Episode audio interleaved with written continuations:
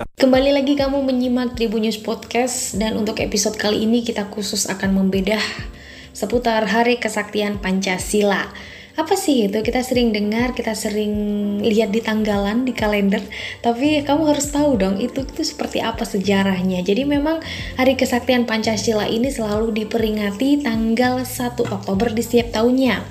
Hari Kesaktian Pancasila diresmikan oleh Presiden Soeharto untuk memperingati peristiwa G30S yang terjadi pada 1 Oktober tahun 65 silam. Berbeda dengan hari lahir Pancasila yang diperingati setiap 1 Juni, Hari Kesaktian Pancasila ini bertujuan menegaskan ideologi Pancasila tidak bisa digantikan dengan paham apa pun. Di sini kita sering salah ya, hari lahir Pancasila sama kesaktian Pancasila apa bedanya? Nah, itu dia bedanya. Jadi, karena memang waktu itu gemparnya momen G30S jadi langsung uh, seolah-olah menggoyahkan ideologi bangsa yakni Pancasila. Makanya dilahirkanlah uh, hari kesaktian Pancasila ini. Jadi kita kalau flashback ya, G30S itu merupakan gerakan yang disebut uh, katanya nih hendak melakukan kudeta pada Presiden Soekarno. Selain itu, G30S juga disebut akan mengganti ideologi Pancasila menjadi komunis. Ini yang sangat terkenal dulu ya. Dan pada 1 Oktober 65 terjadi penculikan uh, 6 jenderal dan satu perwira yang diculik oleh pasukan Cakrabirawa.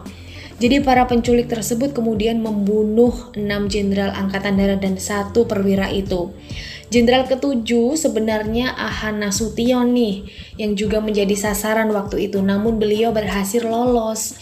Nah, naasnya perwira Ahan Nasution yang bernama Pierre Tedean menjadi korban salah tangkap di sini. Selain ada tragedi salah tangkap dan juga selain tujuh korban yang diculik itu, ada pula satu korban lainnya yang dibunuh dalam peristiwa G30S karena memergoki aksinya ketika hendak menculik Jenderal Ahana Sution.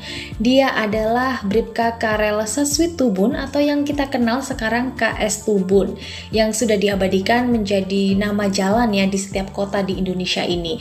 KS Tubun ini merupakan pengawal kediaman resmi Wakil Perdana Menteri Dr. J. Leimena yang mana merupakan tetangga dari Jenderal Ahana Sution.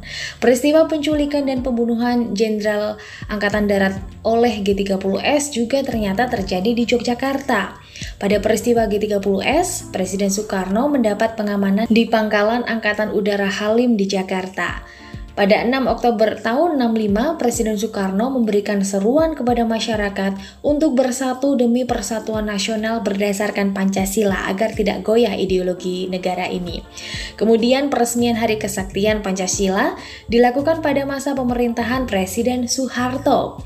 Hari Kesaktian Pancasila bermula dari surat keputusan Menteri atau Panglima Angkatan Darat Jenderal Soeharto pada tanggal 17 September tahun 66. Setelah keputusan tersebut keluar, Wakil Panglima Angkatan Darat Letjen Maraden Panggabean dalam jumpa pers pun menjelaskan Pancasila sebagai way of life bangsa Indonesia pada tanggal itu mendapat ancaman yang luar biasa sehingga hampir saja Pancasila musnah dari bumi pertiwi. Peringatan Hari Kesaktian Pancasila ini menyusul dikeluarkannya SK nomor 153 tahun 67 oleh Presiden Jenderal Soeharto. Itu dia sejarah dari peringatan Hari Kesaktian Pancasila yang masih kita peringati sampai sekarang dan semoga nggak hanya sekedar memperingati aja ya, tapi kita juga harus benar-benar menanam ideologi Pancasila di dalam lubuk hati kita karena para bapak bangsa sudah merumuskan dengan sangat matang ke mana ideologi negara ini akan berjalan gitu kan